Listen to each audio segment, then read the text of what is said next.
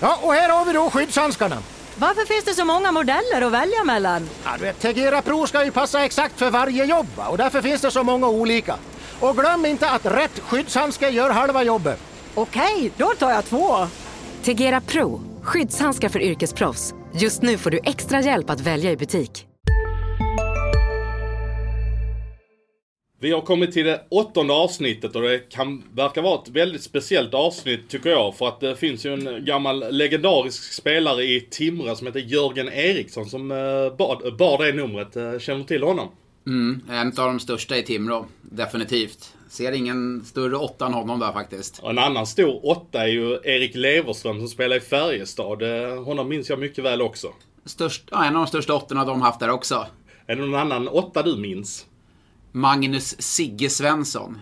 Vilket skott han hade. Eh, ja, en favoritspelare när jag växte upp. Precis som Rickard Fransén. Han kallades för Frasse Tyson i AIK-kretsar. Ja, det här var innan han vände hem då till Djurgården.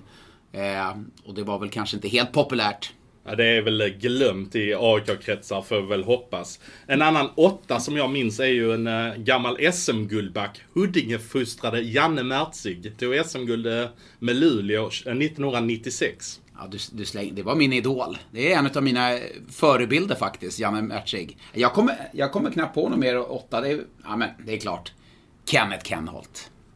SM-guldvinnare 95 med HV71. Vann med SM-guld med Djurgården innan det också Ja, va? vilket skott han hade. Det var, när man växte upp då, då trodde man ju, eller kanske var så, han hade världens hårdaste skott. Kenneth Kenholt.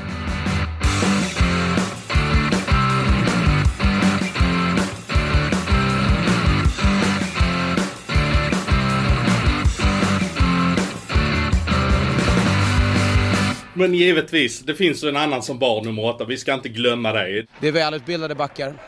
Vad kan du lära dem?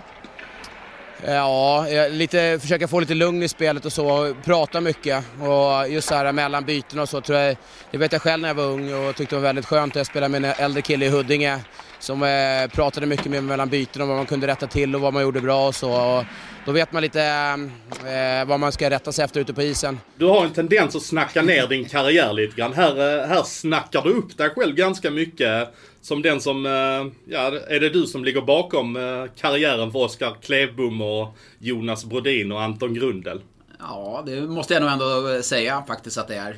Ja, nej men faktum är att jag, jag tycker eh, när du pratar om din karriär så här i efterhand så har du en tendens att, eh, att snacka ner dig själv. Du var ju faktiskt en, du var faktiskt en jävligt bra back om jag ska vara helt ärlig. Ja, men självironi är ju någonting som, eh, som jag tycker är väldigt viktigt. Eh, men sen om man... Jag är väldigt stolt över det jag åstadkom med, med min karriär. Fick se mycket, träffa mycket underbara människor och fick vara med och vinna också, vilket jag var en stor drivkraft för mig och en målsättning. När jag växte upp så var det inte... När vi spelade landhockey ute på gatorna i Huddinge så var det inte NHL, utan det var Tre Kronor och SM-guld. Det var det, det som gällde när man växte upp. Och du fick ju vinna SM-guld och du fick spela Tre Kronor. Två VM-turneringar och eh, SM-guld blev det också. Ja, absolut. Och det var ju en helt underbar resa. Och det är väl det man någonstans, nu i den här rollen man har som expert och när man skriver på Expressen, att den resan som lagen gör, tänk Växjö för ett par år sedan när de var så bra, Skellefteå där under deras storhetstid när de vann mot Färjestad 4-0 i matcher, Luleå 4-0 i matcher. De resorna som man gör tillsammans som grupp, det är någonting man har med sig resten av livet. Och eh, lagen, man stöter på olika motgångar för att nå framgång. Så att det är väl det som är ganska roligt. Man ser under säsongens gång som trupper som växer samman och blir eh, framgångsrika. Du spelade nummer åtta. När började du spela i den siffran? Det var när jag eh, var en liten grabb faktiskt i Huddinge. Eh, mitt första nummer, jag, spelade, jag är född 79, jag spelade med Huddinges 78. Då hade jag nummer 8 och det var väl egentligen ingen speciell anledning. Fast sen eh, var min eh, stora idol, eller en av mina idoler, var Janne Mertzig som spelade i Huddinges A-lag. Sen gick till Luleå och vann SM-guld där och vart årets rookie. Janne och min brorsa, de var lika gamla. Så att Janne var mycket hemma hos oss. Så var en stor förebild. Fick träna med honom lite när jag flyttade till USA. Så när jag vände hem till Timrå så fanns åttan ledig och då var det så här, ja ah, men det är Janne Mertzigs nummer, jag ska nummer åtta. Och Janne Mertzig, hur gammal var du när han eh, tog SM-guld 96? Då måste du ha varit 17 år då va? Ja, någonting sånt. Precis. Så att han, eh, han kom ju upp, eh, hade varit i Huddinge länge, jobbade som målare. Och var faktiskt på väg att sluta spela hockey och fick ett bud från Luleå och åkte upp dit och tränade helt sinnessjukt mycket med Lars Osten Bergström och eh, fick en helt jättefin utveckling där och han och Petter Nilsson nummer 8 och nummer 9 spelade backpar tillsammans och var ju hur bra som helst. Det- det och även om du tar emot att säga lite här. Jag höll lite på Luleå då faktiskt. Du gjorde det? Ja men absolut. Det var björngapet, det var ju coolt, det var liksom lite nytt där. eh, Ja, Jarmo Myllys och framförallt då Janne Matchik. Så i finalserien mot Frölunda så så jag såg varenda match, slukade varenda minut och jag höll på att, eh, höll väldigt på att Luleå skulle vinna den finalserien. Det var ett jäkla lag de hade då. Det var Skuggan, det Mm. var Bulan och det var hela det här gänget. Ja, nej, det var jätte, jättebra. Roger Åkerström, alltså, och så Jarmo Myller såklart. Johan Rosén, alltså ja, Norberg. Alltså det var ju ett, ett härligt gäng. Ett eh, klassiskt brunkargäng som eh, tog för sig bra. Men det, var, det hände saker runt Luleå då. Om vi återgår till din karriär. Du fick även spela ett JVM med Sverige och tittar man igenom den truppen Ja, det så är det bra. ju ett helt sinnessjukt lag eh, som Sverige ställer på benen då. Ja, eh, jag är född 79 och det var egentligen 80 som, som stod ut med bröderna Sedin, Christian Bäckman, Weinhandel. Ja, det var väldigt, väldigt mycket bra spelare. Men vi, vi, vi var bra, men vi förlorade mot Kanada i, eh, i semifinalen. Eh, och vi hade alldeles för mycket respekt. Vi var ju ett gäng spelare som spelade i superelit, i division 1, några fåtal Sedinarna. Någon till kanske spelade i regelbundet i elitserien som det hette då. Annars var det bara eh, juniorspelare på riktigt. Nu ser man trupperna nu som åker på JVM. Det är ju sådana som ordinarie SHL-spelare, till och med spelar NHL-matcher. Så var det inte på den tiden. Vi hade väldigt mycket respekt för Kanada och det blev vårt fall. Vad hade Kanada för godbitar i sitt lag? Minns du det? Roberto Luongo i mål. Eh, Eric Brewer, en back. Eh, de hade Rico Fata som var då en, en stor stjärna på den tiden. Han spelade väl nere i Schweiz och hade Ja. sig, eh, i alla fall i slutet av karriären. Ja, ja det, det gjorde han. Men han fick inte... Eh, Tatchak, en kille som hette... Ja, men de, hade, de hade många riktigt bra. Det var i stort sett bara första runder som, som spelade. Så, grymt lag hade de. Men eh, det var Ryssland som vann finalen sen. Men det var ett härligt minne. Och det var någonstans där som jag började tänka på. Åh, tänk att få åka över och spela i USA eller Nordamerika på de små rinkarna. Det, det hade varit jäkligt läckert. Så det var väl det som sen blev anledningen att jag faktiskt fick åka över. Ja, du, du var ju faktiskt tre år i, ehm, i Nordamerika Mm. och började där i Hershey, i Hershey Bears i AHL. Eh, vad, skrev du ett AHL-kontrakt eller vad skrev du? NHL-kontrakt. Jag skrev kontrakt med Colorado då, som, som tog över mig med förhoppning om att spela i NHL. Men det var ju en treårsplan vi satte upp, eller eh, som de var väldigt tydliga med. Utan många som åker över nu förväntar sig att få spela i NHL. Men jag var ju fullt på det medveten om att det blir två år i AHL och kanske tredje året får man spela i NHL. Men det blev inte så. Eh, mycket såklart konkurrens. Eh, man tog inte för sig som man borde ha gjort. Man trodde inte på sig själv. Det brukar jag alltid säga till de här unga spelarna som åker över om de någon frågar. Ibland så är det vissa spelare som har frågat. Det spelar egentligen ingen roll hur ung du är. Du som tror på dig själv och tar för dig. För det är det det handlar om där borta. Det är, eh, det är, alla vill bli uppkallade till NHL. Eh, och det är ingen som bryr sig hur det går för dig. Så ta, du måste verkligen stå upp för dig själv. Både på och utanför planen. Så det är en viktig detalj och det klarade inte jag av på riktigt. Jag är en sån som vill vara kompis med rätt många och socialt lagd. Så det kanske inte var till min fördel. Sen eh, hade jag mycket skador också och för att vara ärlig så räckte jag inte riktigt till i den åldern. Hade det varit några år senare så kanske, det vet man aldrig. Men eh, när jag var 19, 20, 21 där så var jag faktiskt aldrig nära. Vi ska inte ägna hela detta avsnittet Nej. åt att prata med dig. Nej! Men eh, ja, även om du kanske trodde det. Att, eh, det var jag såg faktiskt att det var någon som skrev det på Ja, Twitter. jag, ironiskt. så att de sitter när du, den där självgoda jäkeln pratar om sig själv nu. Ja, nej, men vi ska faktiskt ta och släppa det lite grann. Men det var, det var faktiskt en eh, grym karriär och ja, det, det är bara att applådera faktiskt åt det. Ja, den här podden hann ju inte mer än att spelas in förra måndagen innan det började rassla till uh, ute på, ja det var både det ena och det andra. Det var en tränare som fick sparken i Hockeyallsvenskan när Lundberg fick gå i Södertälje och det är värvningar in och ut. Alltså det är knappt att helgerna går nu utan att det händer någonting. Och, och jag satt innan vi började den här sändningen så satt jag faktiskt och räknade på hur många värvningar in det har Ja, är varit. vad är du uppe i? 18 stycken om jag räknar in Axel Ottosson också som kom någon dag innan seriestarten. Oj, oj, oj. Ja, nej det, det, är an, alltså det är ju... rekordsiffror kan vi nog slå fast. Jag tror det, för att jag, jag satt faktiskt och räknade på det för någon säsong sedan när Joakim Hilding gick från Växjö till Luleå och detta var i december. Mm. Då var han den tionde värvningen in till en uh, SHL-klubb den säsongen. Ja. Och då är vi ändå nästan två månader fram i tid Mm. jämfört med vad vi är nu och det är 18 stycken nu. Ja, det är anmärkningsvärt. Jag tror att en, en anledning till det här är ju det som skedde med Hockeyallsvenskan för några år sedan när, när de eh, gick samman och sa att man inte skulle låna spelare. De satt, reglerade det. Vilket gjorde att då SHL-klubbarna inte kan ha för breda trupper för man kan inte låna ut tre, fyra spelare som det var då. Det tror jag är en anledning att man eh, i händelse av skador så eh, värvar man in spelare istället. Och eh, går det lite dåligt, som kanske Linköping till exempel då, som har varit ganska aktiva, så måste man eh, värva spelare för då håller inte I20-spelarna. Är detta en tendens som kommer fortsätta hålla i sig då så länge Hockeyallsvenskan har det här regelverket som du ser det? Ja, det tror jag. jag. Jag är inne på det, vi har pratat om det ganska tidigt, att de lagen som har, går in i säsongen med breda trupper, typ som Frölunda gör, klarar man att balansera det och hålla alla på bra humör, man behöver inte panikvärva utan man kan kom, mer komplettera. Det är de lagen som jag tror kommer bli framgångsrika. Vi ser ju nu en del lag som Linköping till exempel som har behövt göra om i stort sett hela strukturen i laget och värva in spelare. Det, det, det blir ohållbart. 18 stycken har vi nu och eh, jag ser om jag ska vara helt ärlig så ser jag inget riktigt stopp på det här. Nej, det är verkligen inte.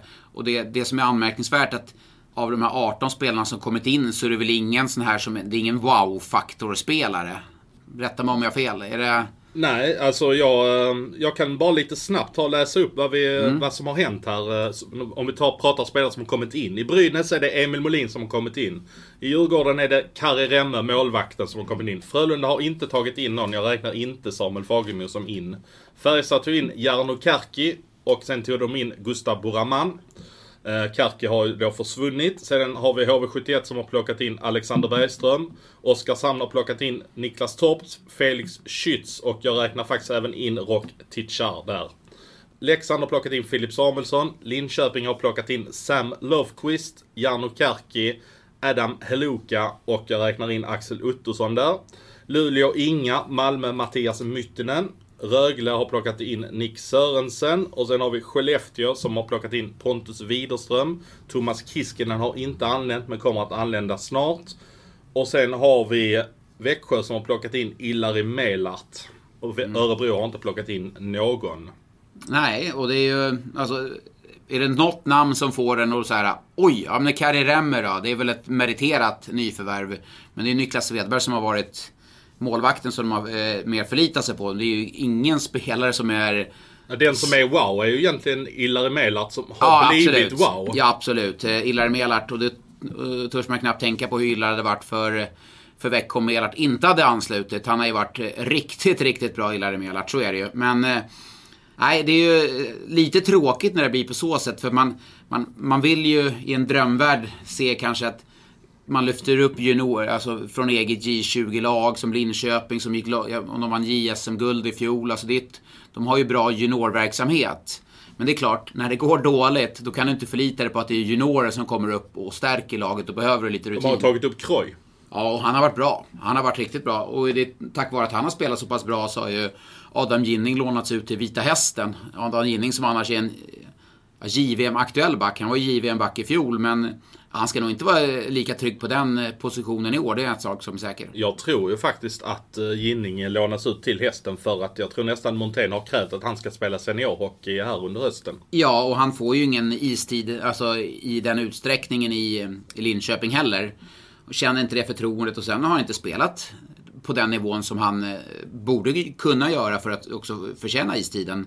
Så att det är klart, för, för allas del så är det ju jätteviktigt att han får spela. Men det är ett gigantiskt misslyckande i sig. Att man lånar ut, behöver låna ut honom, att inte han har fått en betydande roll i en ganska svag backuppsättning ändå. Vad, vad tänker du kring det här? Det blir ju rätt så stora protester både bland Linköpingsfans och Vita Hästen-fans. Och jag kan förstå det ur ett supporterperspektiv att man protesterar mot att en ung talang lånas ut till Vita Hästen från Linköping. Jag, jag köper det fullt ut och jag köper... För, varför då? Eller för att... För, för den rivaliteten som finns. Jag vet, jag vet hur, det, hur det bultar när sådana saker sker. Alltså jag, Jag Men vet inte hur du tänker. Nej men om det, jag förstår Skellefteå, bara sätt mig in lite i rivaliteten då. Skellefteå, Björklöven, det är helt otänkbart. Är vi på den nivån och pratar? Det tror jag definitivt att vi är. Oj. Men, men, Men- men, men eh, alltså jag menar, det händer ju, det går ju spelare faktiskt mellan Björklöven och Skellefteå också. Ja men inte som lånas ut ja. Nu gick ju Jakob Andersson gick ju dit som ett renodlat nyförvärv då till Skellefteå. Men inte som att åka dit några veckor och utvecklas, sen kom tillbaka som en bättre spelare. Ja, men jag vet ju alltså, för jag skrev om den här nyheten ganska tidigt när eh, Jakob Andersson gick till, eh, till Skellefteå från Björklöven. Och då var det reaktionerna direkt i Skellefteågrupperna på Facebook lite grann bara, åh, en lövare liksom. Ja, okej. Det var liksom ändå så, även om indirekt så gör de ju faktiskt sådär, de, de försvagar ju faktiskt Björklövens lag när de gör så.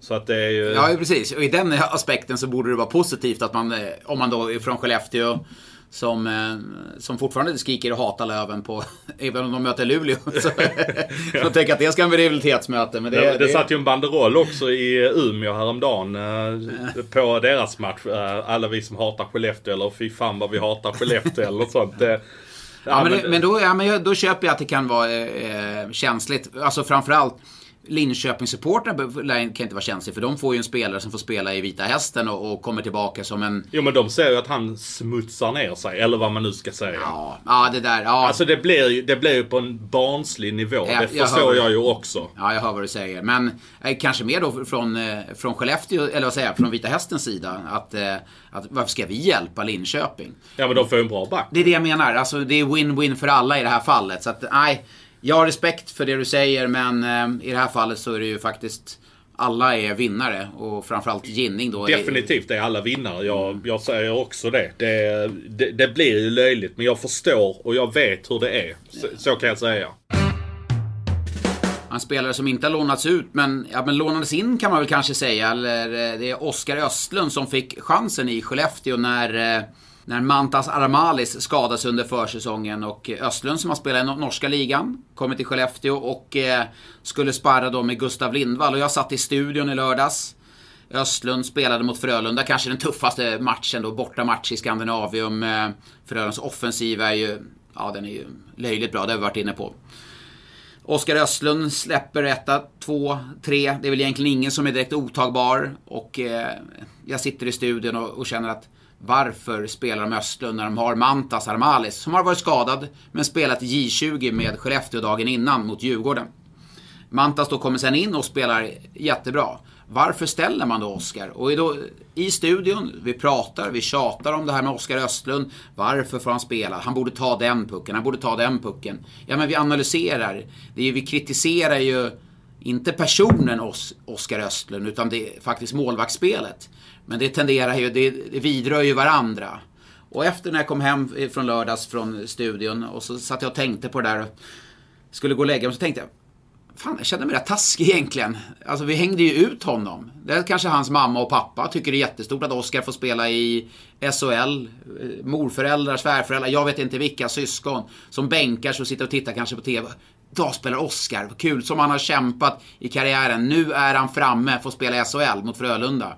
Och så sitter jag och Niklas Wikegård och vi, vi är tuffa mot honom. Ja, Jag kände mig rätt rutten som människa faktiskt, måste jag säga. Ja, men, men, förstår vad jag menar? Ja, ja det, det är klart jag förstår hur du menar men jag menar det är väl ändå en del av elitidrotten. Ja, men absolut.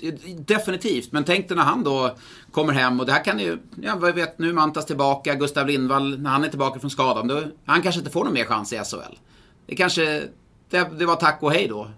Och hur, hur mentalt eh, präglad blir man av det, det här då? Alltså har jag satt en prägel på hans välmående av att jag var rätt tuff mot honom? Men det, är- det är ju själva målvaktsspelet jag kritiserar, det är inte Oskar som person.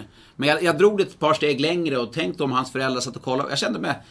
Fan vad taskig jag kände mig egentligen. Men eh, alltså när du kritiserar, tänker du ofta de tankarna? Nej, jag har aldrig gjort det. Egentligen inte. Men det var Men, vad, vad var det som gjorde Men det var att vi ältade det. Vi ältade det flera gånger. Alltså det var highlights-paketen. Ja, den skulle han tagit. Varför ställer de inte Mantas? Och så var det nästan som att vi, vi matade på ganska mycket om det. Utan vi gav oss inte. Vi visade varför han släppte in målen. Och det där och det där. Liksom, det vart ett ältande. Varför, jag är, det är mitt fel liksom. Men du måste väl ha känt samma sak när du har skrivit om någon värvning eller sparka? Eller du måste väl ha fått samma känsla någon gång? Definitivt. Alltså det räcker att jag tittar tillbaka till i våras hur det var att jag satt i Frölunda-Borg. hade kollat sista kvartsfinalen mellan Frölunda och Malmö och eh, jag hade ju en färdig text som jag hade suttit och skrivit under matchen här med att eh, tre spelare med kontrakt skulle bryta. Eh, och, eh, och alltså lämna. tre, tre Malmö som hade kontrakt. Exakt. I händelse av förlust då när de åkte ut så skulle kontraktet... Precis, Ja. precis. Och då, eh, då satt jag ju och skrev rakt ut att Kristoffer Nilstorp, Jens Olsson och Anton Öhman, deras kontrakt kommer inte att fullföljas. Och jag har ju förstått i efterhand att det här har ju landat ganska dåligt. Bland annat hos Jens Olsson och Anton Öhman. Och då har jag ju känt shit alltså. För Anton Öhman träffade jag här på eh, Hockeyallsvenskans Mm. upptaktsträff och då berättade han för mig att jag hade ingen aning. Nej. Min flickvän skickade, vad är det här? Och då tänkte jag bara shit, vad, vad har jag nu gjort? Eh, samtidigt måste jag ju också göra vad jag ska. Om jag får en uppgift som jag bedömer som trovärdig. Och nu var den ju väldigt trovärdig eftersom det var alla de här tre Ja. spelarna som fick lämna. Eh, men shit alltså. Eh, Sitter hans flickvän och läser det här och, och jag vet Jens Olsson har varit i Malmö Redhawks i åtta säsonger i följd och varit lagets Ja, ja. nyckelback. Och Ja. ska, hans familj behöva läsa här att han riskerar att få sparken? Det, det är klart att man Men- undrar ibland liksom vad ska man skriva? Och jag har gjort avvägningar också. Vad ska man skriva Mm. för att man inte ska träffa folk personligen också? Det, ja, jag, Nej, det, är en svår, det är en svår balansgång. Samtidigt så är vi ju, om man liksom, det låter ibland högtravande, vårt jobb. Alltså vårt jobb är ju hockey, det är det, är det roligaste som finns. Men vårt jobb är ju att lyfta fram positiva saker, negativa saker. I mitt fall, i spelet. Alltså, och vi har ju båda reagerat kanske någon spelare har gjort något uttalande som vi tycker är... Ja, hur kan han säga så? Så har ju vi varit kritisera eh, honom. Men vi, är inte, vi får ju kritik också. Men det är ju, det är ju... För oss är det lättare att skala bort. Det är ofta känslostyrt. Om någon kritiserar dig så är det ju för att du har sagt något negativt om ett lag eller skrivit någonting eller i mitt fall analyserat eller gjort någonting som inte de håller med om. Men här kände jag ändå att ja, men det fick mig ändå att fundera lite och, eh, kring, eh, kring Oscar där och om man vi var ju inte hårda mot han så och sa att han är för dålig, kasta bort honom. Men det var ju det andemening när vi pratade hela tiden men eh, hur, eh, hur tycker du Skellefteå ska göra då? Om vi ska prata allvar kring det då? Nej men det är klart att alltså, för Oscars egen utveckling så måste han ju få spela och han kommer inte få spela i Skellefteå så att eh, då är det kanske norska... Han är ju han är ju kung i Storhammar ju. Ja, då är det ju den vägen man ska gå tillbaka till den norska ligan och, och spela där. Och kanske ta ny sats i karriären. Jag menar, det, är, det är inte för sent för att ta sig in i SHL, även om det såklart kommer bli svårare nu framöver. Men om, om eh, Skellefteå har Mantas frisk och Lindvall frisk så, så är det ett fullt, eller väldigt bra målvaktspar med tanke på hur Lindvall har spelat den här säsongen. Under matchen i lördags eh, så såg alla som kollade på Simon-sändningen där bland annat du satt med Niklas Wikegård och Lasse Granqvist i studion och efter matchen mellan Luleå och Malmö så eh, inträffade en grej som man inte ser speciellt ofta. Man har sett Uffe Samuelsson göra det till exempel i, när han var i Modo att han tar eh, lurarna och lämnar intervjun innan den anses vara klar. När du har pratat med laget om det och så hamnar ni i den där situationen ändå att det visslar till i början. Fast du envist har stått och sagt att se upp för det där. Hur reagerar du på det? Eh, hur reagerar? Ja, jag måste fundera på det. Just nu reagerar jag inte speciellt bra. Du, Oskar Alsenfelt var tvungen att utgå. Vad säger du om det? Nej, där sa han inget mera. Det gjorde Peter Andersson i lördags men Får, får jag får avbryta det och försvara Peter Andersson lite? absolut, gör det. För att eh, grejen är att vi, vi sitter ju där efter matchen och man ska intervjua en matchvinnare, ofta på isen, också en förlorande röst och det brukar vara en tränare. I det här fallet Peter Andersson och vi förstod ju, okej den här han kommer komma hit, han kommer vara så inåt helskotta arg. För det vet man med Peter när de förlorar. Speciellt med dåliga, tanke på dåligt, dåligt Malmö hade spelat. Det som dock var, det var att Lasse Granqvist då ställde frågorna för att då få ut vad han, vad han känner. Och vid den sista frågan så svarar Peter ganska ett kort svar. Samtidigt som då Lasse får en eh, direktiv i sin, i, i sin hörsnäcka från producenten att det finns bilder på Oskar Alsenfelt. Så Lasse hör då inte när Peter Andersson slutar prata. Så Peter Andersson slutar prata. Då får Lasse då från eh, producenten i örat, så han hör inte Peter. Och det blir en stiltje på tre sekunder ungefär. Så Peter då tror ju att intervjun är slut. Och precis, precis samtidigt som Lasse säger Oscar, det här med Oskar Alsenfelt. Då har Peter då tagit av sig hörlurarna. Så jag tror inte att Peter tar av sig hörlurarna för att det är en fråga om Oskar Alsenfelt. Utan Peter uppfattar intervjun som, som slut. På ett kanske lite otrevligt sätt eftersom Lasse bara är tyst och inte tackar. Så han är, är förbannad av förlusten och sliter av sig headsetet. Så det var egentligen en miss. Det var mänskliga faktorn utan eh, någon intention från Simor eller egentligen Peter. Så att jag, jag får väl försvara Peter i det här fallet. Jag tror inte att det, eller jag är ganska övertygad om att det var mer att han trodde att intervjun var slut. Och sen kom en fråga från Lasse tre sekunder senare.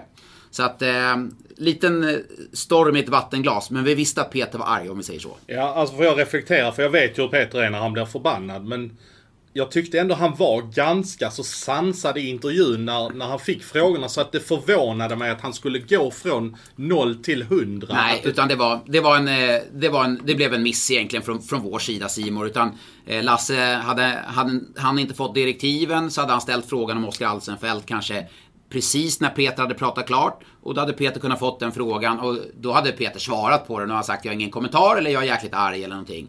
Så att eh, där får jag väl försvara Peter. Men jag kan inte försvara Peters sätt som Malmö-spelare nu om man säger så. Efter två perioder uppe i Luleå, fem skott på mål.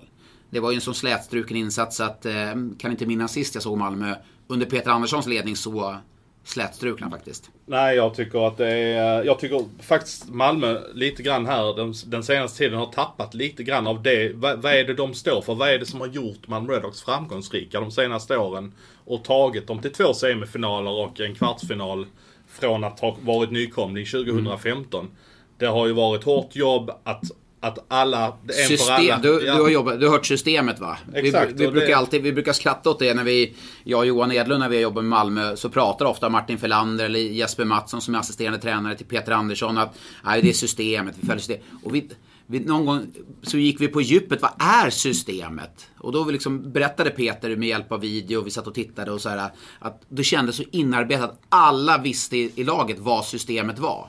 Men nu tror jag inte det där systemet att, jag tror inte att Jesper Jensen vet vad det här systemet är. Niklas Mayer vet inte vad det här systemet är. Det är inte spelare som är beredda att spela i systemet.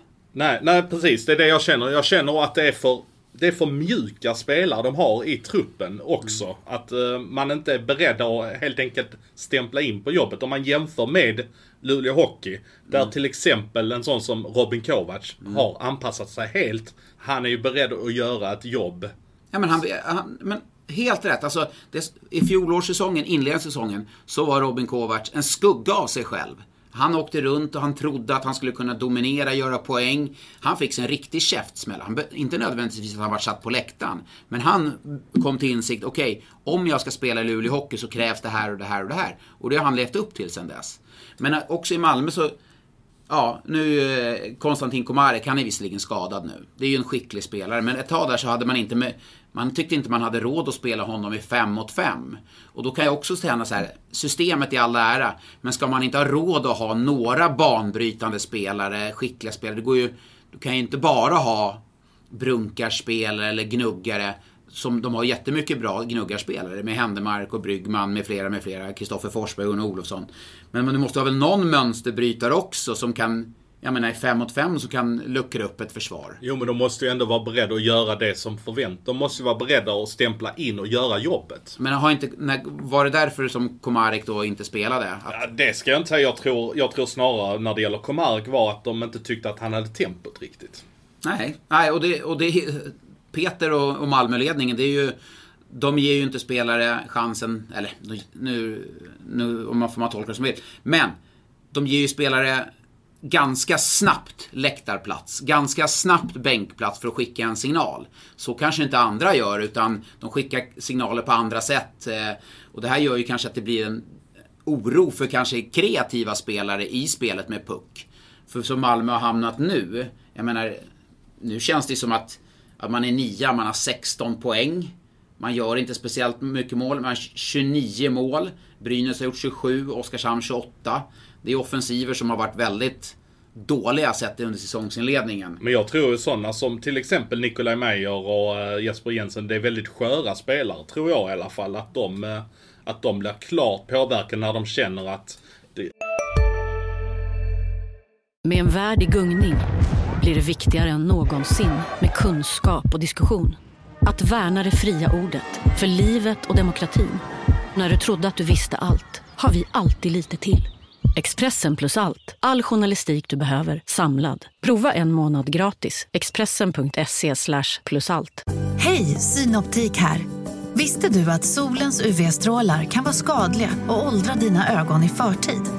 Kom in till oss så hjälper vi dig att hitta rätt solglasögon som skyddar dina ögon. Välkommen till Synoptik.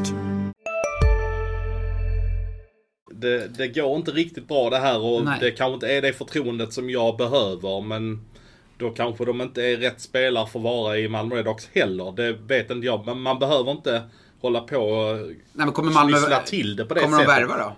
De måste, alltså ska de... Jag, jag tror faktiskt att det skulle kunna hända lite grejer eh, under uppehållet i, eh, i Malmö. Till exempel att en sån som Daniel Widing eh, kommer in i laget. Mm. Ja, Widing är ju en väldigt härlig personlighet som höjer stämningen i vilket rum han än tar sig in i. Men samtidigt är det spelaren som ska ta Malmö till en topp 6-plats, etablera Malmö på den övre halvan. Om det nu, som jag kan tänka mig ändå, ambitionen var inför säsongen. Det var definitivt ambitionen men jag, jag tror man måste någonstans vara beredd att revidera det lite grann. Mm. Man, man måste ändå vara realist och se vad Malmö har för trupp och va, hur har de presterat. Någon gång kommer ju faktiskt ett bakslag Ja men så är det ju. De har, ja, men de har ju varit jätteimponerande under flera års tid och jag menar tagit sig till två sem, raka semifinaler innan i fjol. Åkte ut mot eh, Frölunda i en kvart.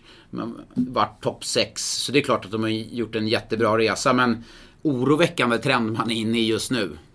Ja det tror jag fansen håller med om också. En trend som är än mer oroväckande. Linköping. Sex matcher den här säsongen har man gjort det första målet. Vet du hur många vinster man har i de sex matcherna? Ja det vet jag faktiskt. Det är noll vinster. Ja, det är ju... Ja, det är ju anmärkningsvärt, eh, någonting man belysa. Det bara sett den här eh, gångna veckan. Ledde mot Färjestad 2-0, 3-1, förlorade dock i övertid, tog en poäng. Mot Växjö i lördags, kalasbra första period. Ledde med 2-0, 16-6 i, i skott, ändå mot ett Växjö som, som är rätt sköra. Förlorade till slut med 6-2. Ja, det här är ju ett... Det här är ju ett... Det här kan gå... Johan, det här kan gå åt helvete. Vad, vad menar du med åt helvete? Ett Ja, men kval alltså ett eller? Linköping i kval. Ställ Linköping mot Björklöven. Ja, ja, nej, Alltså, då, då jag- hade jag inte velat vara Linköping. Ja, men då hade jag kunnat nästan sett, satt mitt hus på Björklöven kan jag säga. För att ta sig in Linköping med en nedåtgående trend, ändå en organisation, en förening som, ja, vi, vi ska bygga nytt, det är en ny satsning, det får ta tid. Man kan, absolut, det kan man säga. Men det är ingen som har förväntat sig att det skulle gå så här dåligt. Nej, inte så här dåligt. Men Och det det finns skulle ingen... gå dåligt, definitivt. Ja, men det finns ingen som hade förväntat sig att man skulle få kvala. Det är mycket kvar att spela om, jag vet det, absolut. Men det finns ju ingenting som tyder på att helt plötsligt skulle bli bättre. Defensiven, fortfarande lika ostrukturerad. Jag tror tydligheten från tränar, tränarhåll är inte tillräcklig. Alla som man, när man pratar runt inför säsongen så är det någonting Bert vet så är det att styra upp en defensiv, han är jättetydlig. Jag undrar om, om spelarna känner att det finns en likadan tydlighet. Jag är inte säker på det. Målvaktsspelet, Jonas Gustafsson, blandar, blandar, bra, dåligt. Nu stod Jakob Johansson här mot uh, Växjö, blev utbytt va? Be, blev utbytt. Eh, Jonas Gustafsson kommer in. Det är, det är inget lätt försvar att stå bakom. Offensivt, ja, det är Brock Little det är ju bra men Brock Little är ett kval. Man är väl, väldigt skör om man, liksom, man ska lita på honom. Så att, nej, Linköping. Eh, hur många spelare du kommer in sa du under säsongen? Tre spelare och eh, det skulle inte förvåna om det blir ytterligare några. Ja, två, tre spelare kommer nog komma in här, här under säsongens Då gång har man också. alltså lastat in mellan fem och sex spelare så här tidigt på säsongen. Ja, ja, det, ja, för det är det man måste göra. Alltså jag, är, jag känner en jättestor oro för, för Linköping den här säsongen och ja, även för framtiden. För att det, det är en organisation, precis som Växjö, som snabbt Växjö har ju vunnit guld, det har inte Linköping gjort, men som på en ganska kort tid blivit en maktfaktor i svensk hockey. Det var inte länge sedan man såg Linköping tillsammans med Färjestad, HV och Frölunda som, som det givna topp 4-laget. Det var ju liksom, minns jag spelade i Timrå, det var ju mardröm att åka till Linköping för de var ju så jäkla bra. Men jag tror att många lever kvar i det och även om man säger ja men det kommer bli tufft. Jo men det, är- det är en ny satsning, det låter ta tid. Så tror jag tålamodet där och när, det, när man känner att kvalspel närma sig, då är det panik. Då är det rejäl panik. Hur mycket bättre har de egentligen blivit av eh, Heluka och eh, Sam Löfqvist och Jarno Kärki? Ja, nu, det är för tidigt för Kärki att spela en match och Löfqvist och Huluka där. Men alltså Huluka spelar några matcher, det är för tidigt att säga. Men alltså hur många av spelarna har blivit bättre i laget? Har Henrik Törnqvist, är han bättre i år än vad i Timrå till exempel? Det är han definitivt inte. Nej, och då är han ändå en av de bättre tycker jag. Ja, är Jimmy Andersson en bättre spelare än för ett år sedan? Om du börjar titta spelare för spelare. Sen vet jag också, att spela ett lag som förlorar, det, det är inte helt lätt att växa och få en, alltså, ta individuella steg. Så att det är tufft. Precis som för Växjö. Det är tufft. Det kommer bli en, en tuff säsong nere i Småland. En liten spaning jag ändå gör när jag tittar igenom listan här som vi har ältat en gång är ju ändå faktiskt att jag ser tre lag som inte har tagit in någonting och det är Frölunda, det är Luleå och det är Örebro. Och det finns ju en tendens där som är ganska tydlig. Det är ju alla lag som går väldigt bra för stunden. Det kan ju knappast vara en slump. Nej, det är lag som får växa ihop tillsammans. Det är en gruppkemi mycket handlar om. Där man, eh, när man pratar om det här med lagbyggen. Eh, Frölunda tog ju fram till slutspelet i fjol innan de hade satt ihop det. Men det är mycket av det handlar om. Det är att du måste lära känna varandra. Hur du klarar av att sätta krav. Kravställning på varandra i den dagliga verksamheten. Och kommer det då in två spelare där som har en annan syn på saker och ting, ganska starka personligheter, så kommer någon där så är det det blir ganska rörigt. Men som Frölunda, det är hierarkin där väldigt tydligt. Samma sak eh, med, med Luleå. Örebro är ju, ja, vi har ju hyllat Rögle väldigt mycket, men Örebro är ju höstens överraskningslag utan tvekan. Jag tror få hade dem på topp 10 inför säsongen och nu är de alltså tvåa i tabellen. Ja, det är grymt. Och, eh, men det är ju den där tränartrion som vi faktiskt har varit inne på lite Ja. grann tidigare. Att de, de gör bra saker i det, i det teamet. Ja, lugn, sprider lugn, sprider eh, förtroende, pratar, alltså man väldigt, jag tror det är en väldigt tydlighet att tar du pucken in i offensiv zon, då, har, då får du vara kreativ. Och det ser man nu. Många spelare har ju tagit enorma kliv i, i eh, Mastomäki, Glenn Gustafsson. Weinstock tycker jag är bättre än någonsin kanske på, på ålderns höst. Och Ryan Stowe. Ja, han är ju grym, Ryan Stowe. Ja, det är ju en... Ja, och han, han var ju inte speciellt bra när han kom. Inte s- jätte, jättebra tränad. Eh, Inte Kirby Reichel otränad, men han behöv, hade ju lite att spela sig i form. Men jag menar, de senaste veckorna har ju han skjutit som en raket och är ju verkligen den här pådrivan, generatorn, Joel Lundqvist, you name it, hur man då ska eh, summera en spelare som, som driver ett lag. Det är ju Ryan Stoa i Örebro. Är det dags att vi kanske ändå hyllar en eh, tränare som jag ändå ser som eh, kanske en framgångsfaktor i Jörgen Jönsson. Han var i Färjestad och gick det inte alls speciellt bra. Sen så syntes han inte så mycket. Plötsligt dök han upp som assisterande i Växjös enorma lag när de vann SM-guld. Och så blev han ju inte kvar där på grund av sociala skäl och lite så. Sen kom han in i Örebro förra året, gjorde det jättebra. Och nu har de ju lyft till jättehöjder. Jörgen Jönsson, han var en suverän spelare. men som tränare, det, det levereras nu. Ja, ja, herregud. Det är ju all respekt. Jag hade ju faktiskt Jörgen där, hans första år som assisterande tränare, så kom ju han in i Färjestad och han var, var ju med och vann guld sitt första år som assisterande tränare. Sen, sen visste inte han vilken roll han ville ha riktigt i hockey och var sportchef, assisterande sportchef och hittade inte riktigt. Men assisterande tränare tror jag är den perfekta rollen för honom. Jag tror inte han har det här drivet av att vara headcoach heller, eller huvudtränare. Vilket måste vara rätt skönt för Niklas Eriksson som är ändå huvudtränare. Att han känner att han har Christer Olsson på höger sida, Jörgen på vänster sida och så vet han att ja, men jag känner ingen konkurrens, de vill inte ta mitt jobb. Eh, utan det är två perfekta assisterande tränare. Och så Niklas som huvudtränare. Det har byggt en bra kemi mellan dem och eh, jag bara, bara imponeras av Örebro. Alltså det är ju... Jag ska inte slå fast som jag gjorde med Rögle att de kommer komma topp 6 Örebro. Det ska jag inte göra. Men topp 10 är ju... Det måste vara det de haft som målsättning kan jag tänka mig då. Ja, ja, definitivt. Och de, de var ju topp 10 förra året, även om de gjorde en säsong som var till stora delar ett haveri förra året. Ja, verkligen. Och nu får vi väl, ska vi säga det här högt då angående Örebro? Eh, att vi... Vad var det Bromé sa till dig i en intervju? Han sa att man undrar ju om ni har gått och druckit paraplydrinkar i sommar eh, i era tips. Så eh, då får man ju ändå säga att eh, då tror att han syftar på att vi Kanske att det susar lite i kupan på oss. Ja, men är det något negativt att dricka paraplydrinkar? Nej, det tycker jag inte. Du är nere på Skånekusten där nere i det väl- Skanör, Falsterbo måste man väl eh, Det är väl trevligt, det är trevligt men man kanske inte ska tänka så mycket efter det, tänka hockey kring det. Men nej men eh, alltså han har ju helt rätt. Alltså Mm. bevisligen har han ju rätt. Örebro är ju riktigt bra. Men då vill jag att du säger efter Coopen Davidsson här. Då. Att vi båda ska säga efter honom. Han har skrivit det på Twitter. Här. Ja, det vart för många paraplydrinkar i sommar. Ja, det var för många paraplydrinkar i sommar. Här ska vi ösa på lite med frågor då. Det är jättekul att det kommer in så mycket frågor. Vi lägger lite mer tid än brukligt på just frågor idag eftersom eh, det kommer in mycket. Eh, Mike, eh, Mikey Mike här har ställt en fråga. Vad brister i Brynäs powerplay? Två olika formationer, båda lika uddlösa.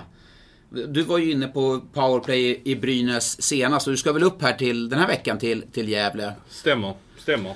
Jag tycker de tar lite alibiskott, alltså skott utifrån. De spelar inte in pucken eh, centralt, mycket utifrån. Det är ganska lätt att läsa. Malmö som egentligen vill ha en aggressiv bock om man pratar box här på, på tisdag. Håller man Brynäs på utsidan så är det väldigt få instick.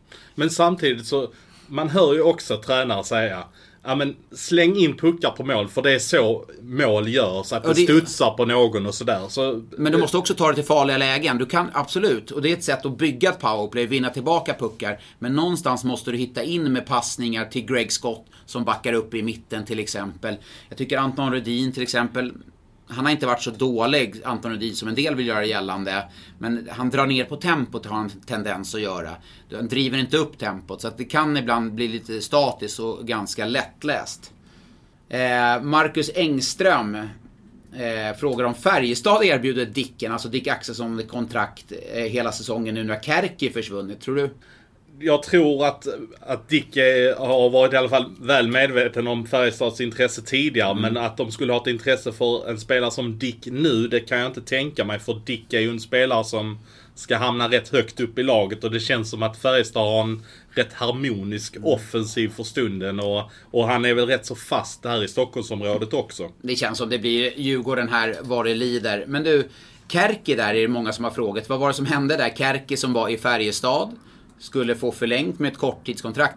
Lämnade Färjestad för Linköping för ett långtidskontrakt, men det blev ett korttidskontrakt, eller? Ja precis, det blev ju ett korttidskontrakt för en skadad spelare och det, det har de aldrig gått ut med vem det är men det kan vi ju ta här nu att, eh, att jag hör i alla fall att eh, Peppe Lund är skadad eh, och det är ju ingenting som de har aviserat någonstans. Så, att, så du menar att de skulle ta in Kärki för, för att ersätta Peppe Lund? Ja för det måste man ju ange till SHL när man, Mm. eh, när man tar in en sån korttidskontrakt. Vem ersätter han? För det var ju lite grann Färjestads dilemma att Mm. eh, att när Martin Johansson skulle komma i spel, då fick de inte spela i Kärke. Han får inte kliva in och, ersätta någon annan Det spelare. är reglerat så ja. ja.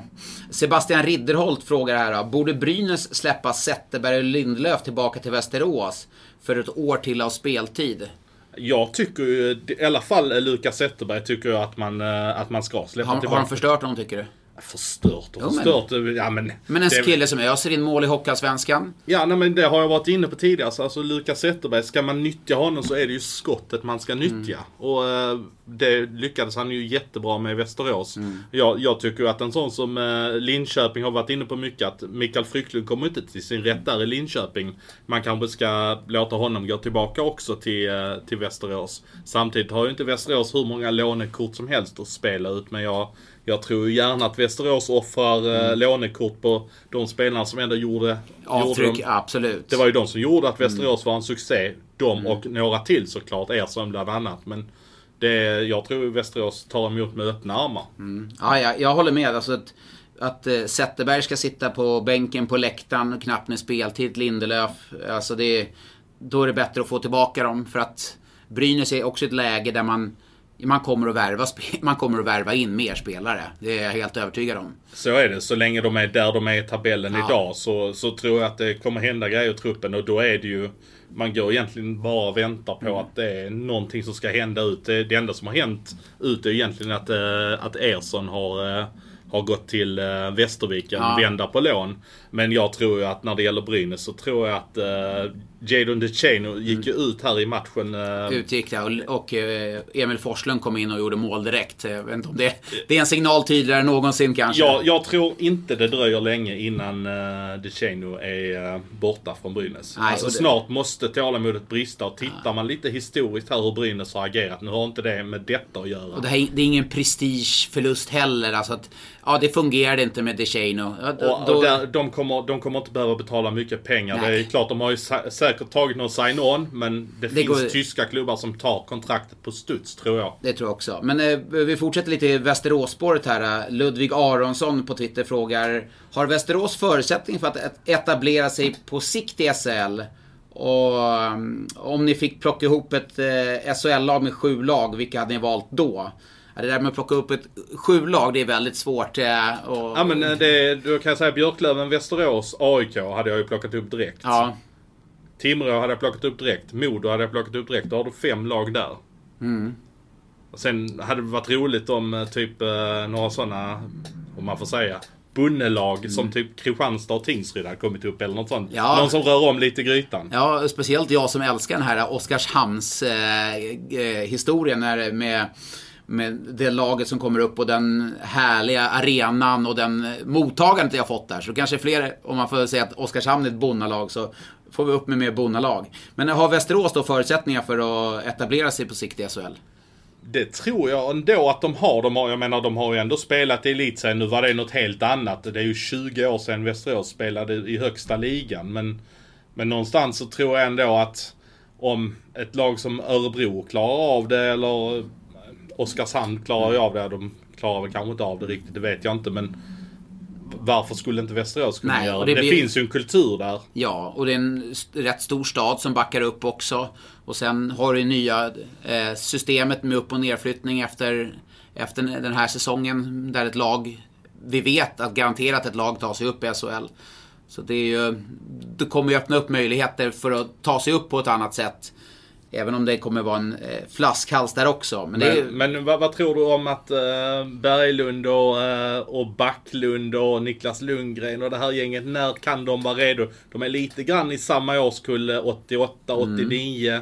Nu är, har Berglund redan flyttat hem och alltså, jag menar det är Ja, det går bara att spekulera om det, men när, när, kan det, när tror du att de kan vara sugna på att göra någonting? När det blir så att säga lite lättare att gå upp? Man behöver bara slå Mm. allsvenska lag.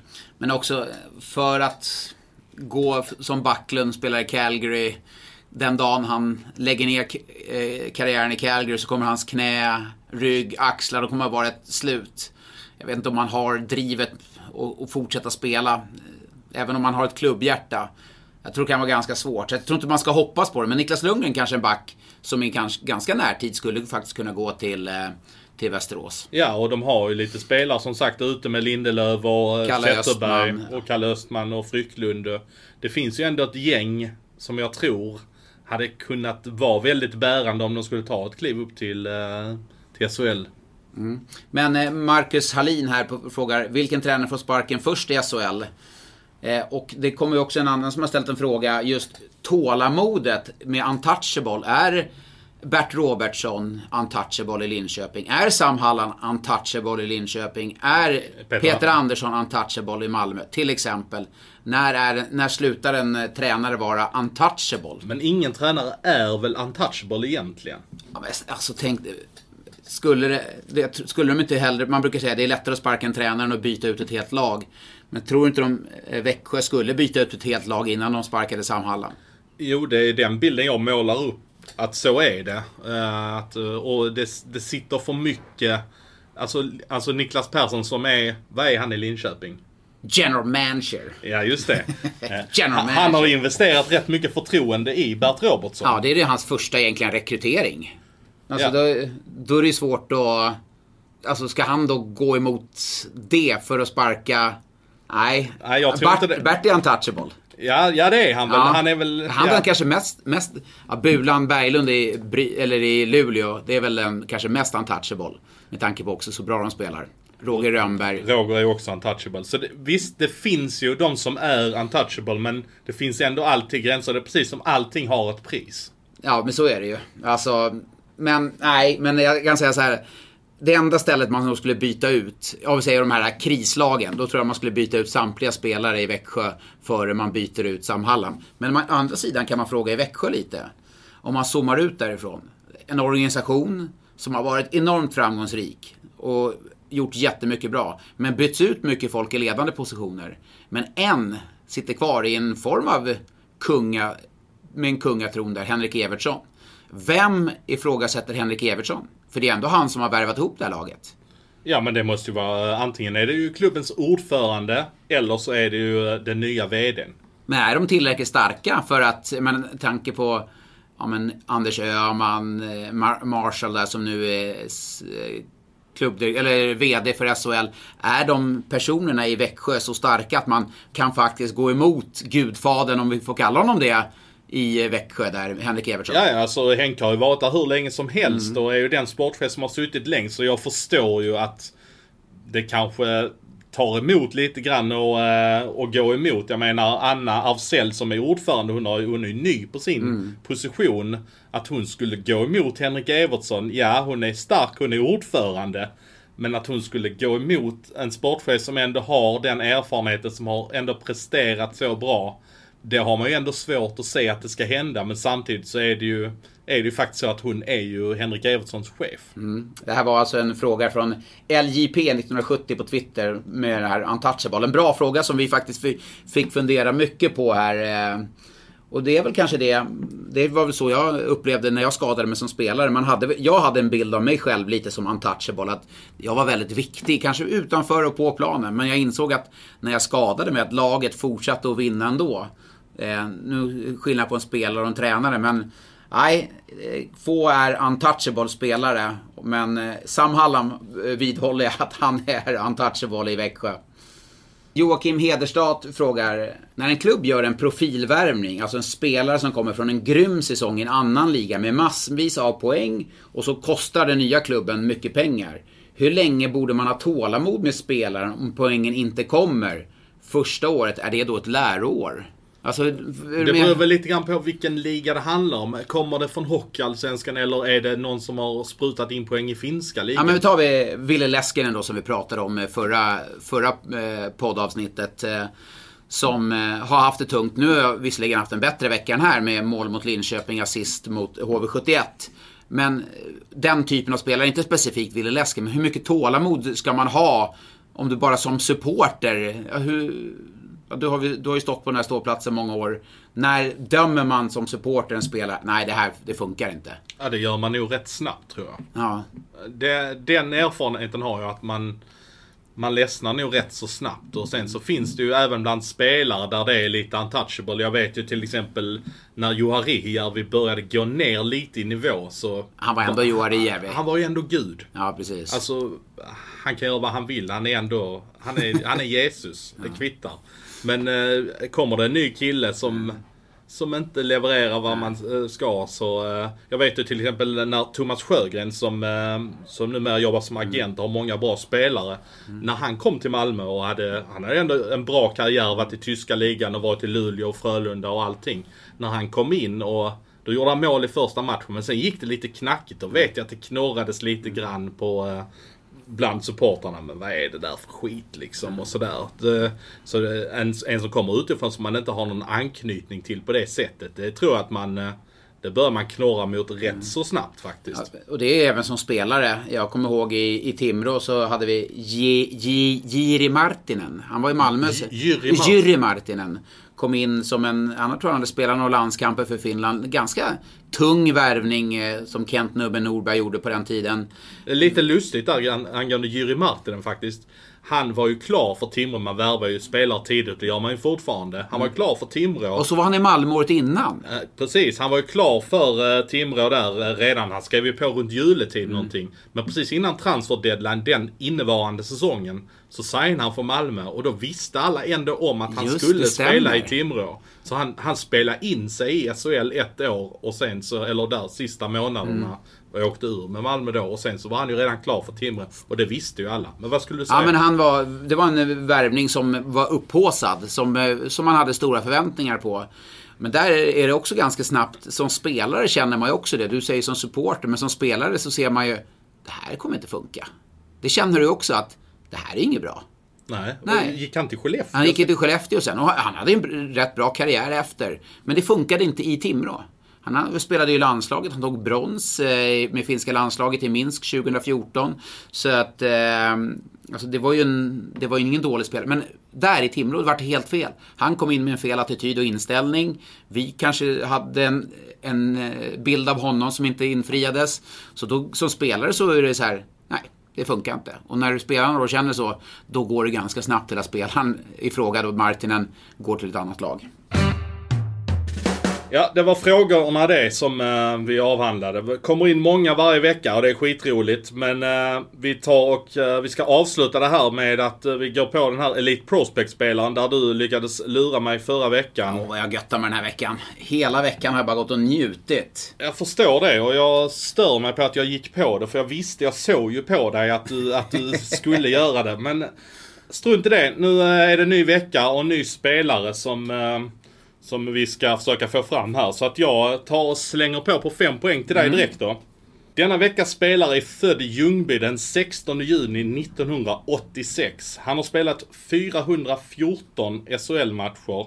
Han var med i den svenska JVM-truppen som underårig 2004-2005. Det var ganska mycket för dig att ta in här nu. Men Ja, du, men han, var med är 80, han var med i 85 erna Precis. Och han hade 400... 14 SHL-matcher. Han är 85 med Och, 400... och 86 född den 16 juni 86. 86. Så att han var en talang. 400 matcher. Ja, fortsätt. Du vill ha fyran? Mm. SHL-spel? Ja, definitivt. Färjestad och Timrå var ju två av klubbarna. Men jag vill inte ge dig alla hans klubbar redan på fyra poäng när det gäller denna forward. Timrå, Färjestad, 86 från Ljungby. Johan Andersson var 84 från Ljungby, Färjestad, Timrå. Nej, där luras jag inte. Fortsätt. Då kör vi tre poäng. Ja. På sina 414 SHL-matcher har det blivit 130 poäng. En säsong blev det till och med 14 mål. De flesta framför mål i powerplay. Modo och Malmö har det för övrigt också blivit spel i. Jag känner att du inte är... Nej, jag är, alltså du vet, jag, jag har inte ens ett spår att gå på. Nej. Jag tänkte Mårten Gren där, nej men Färjestad, nej då följer det och Ljungby, nej. Nej, fortsätt. Ja, men nu går vi ner på två poäng. Ja, här och, är- och, och, två poäng är ju godkänt ändå trots är det allt. verkligen det? Vi- Om man, får kalla, om man ska Ja, kalla men sig är lite- hockeyexpert. Li, lite svårt för, för det ändå vara, för ändå medge att det är. Men vi tar två Mm. poäng. Pappa heter Gunnar och han har ägnat hela sitt liv åt hockey. Brorsan Magnus spelar Ja. också, men han har mammas efternamn på tröjan. Mm. Jag ser att du har skrivit där. Jag kan skriva lite tydligare, men det... Din handstil är inte Nej, den bästa. nej. Eh, Men vi kör en poäng, för du vet ju redan vem det är. Mm. Denna Björn har du spelat med Mm. i Timrå IK. Så nu kan du få berätta vem det är. Björn Svensson. Mm. Han spelade du med i Timrå. Ja, han var i Färjestad. Det hade jag helt eh, näst, glömt bort. Så lite lurade dig ändå där. Ja. Men, det, det, men Ljungby, han födde Ljungby alltså? Han är född i Ljungby. Då var ju pappa Gunnar i... ehm, Tränare i, i, I Troja. Troja. Ja, just det. Ja, men den var bra. Björn Svensson. Nej, men på två poängen då. Ja, så du uh, checkar in två pinnar där i alla fall. Då är det 3-2 till dig. Jajamän. Efter två spelade omgångar. Ja, men- men- vad, vad spelar vi om då? Är det en middag på, på det här fina Clarion Hotel Sign där vi sitter nu kanske? Ja, det skulle vi väl kunna säga. Ja. Och om vi, vi tar det någon gång här i vår efter att eh, säsongen är avslutad. Där, eh, och då är det all inclusive som gäller. Det tycker jag va? Ja. Då är det... Då är det kost och logi, hela köret som man står för till den som... eh, Till den som... eh, Där har du hand, handskaket. Jajamän. Ja. Ja. ja, men vi får faktiskt ta och tacka Clarion Sign för vi, eh, vi sitter ju och har fått låna ett rum här inne så vi hoppas att det, det, ljudet ska vara bra här inne. Det, de har dukat upp kaffe och, eh, och kakor till mig. men Såna den, en, den en, arrak, ja, arraksbollar. Ja, det är och arrak- gubbvarning på att äta arraksbollar. Ja, men de är goda. Raxbollar. Ja, där, är, där är tre till så du får ta dem. Jag försöker hålla igen. Vi tar tackar för denna veckan och eh, faktum är att eh, jag har fått lite synpunkter på att, eh, att vi inte har någon mail. Så att vi har tagit och skapat en eh, e-post som man kan nå oss på också förutom på Twitter. Det blir ju bara lite enformigt att man måste ha Twitter för att nå oss. Så att eh, Sanny Svensson snabel Expressen.se Alltså Sanny Svensson i ett enda ord. Eh, snabel Expressen.se Där når ni oss. Tack för att ni lyssnar. Vi hörs om en vecka igen.